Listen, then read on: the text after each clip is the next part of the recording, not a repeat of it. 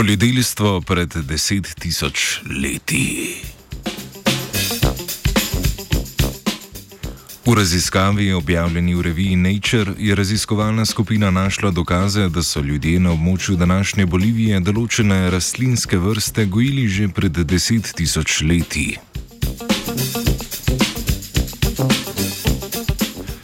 Pričetek poljedelstva je eden pomembnih mejnikov v človeški zgodovini. Odomačevanje rastlinskih vrst pa se je neodvisno pričelo na več mestih po svetu.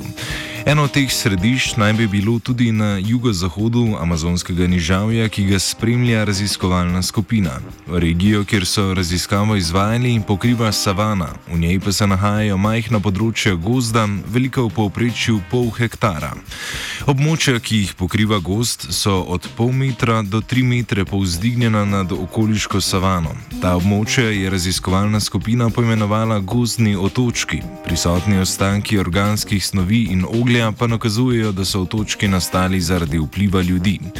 Raziskovalci predvidevajo, da so prvi naseljenci tam odlagali svoje organske odpadke. Thank you.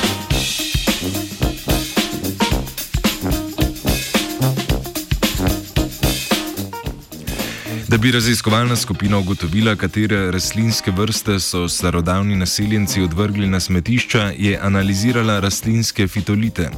To so majhni skupki silicijevega dioksida, ki se tvorijo v tkivu rastlin in se dobro ohranijo skozi leta. Po obliki fitolitov lahko tudi določimo, kateri rastlinski vrsti so ti pripadali.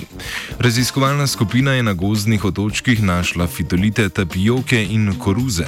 Najstarejši fitoliti, stari več kot kot deset tisoč let pa so pripadali bučam.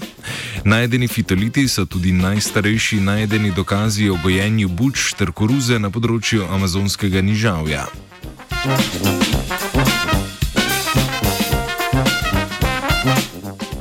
Rezultati študije nakazujejo na to, da so se prebivalci in prebivalke savane pred deset tisoč leti poleg nabiralništva ukvarjali tudi z gojenjem rastlin za prehrano.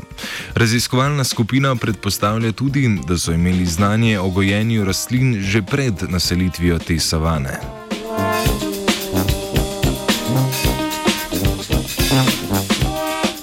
Arheološke dokaze o poljedelstvu je iskala Kaja.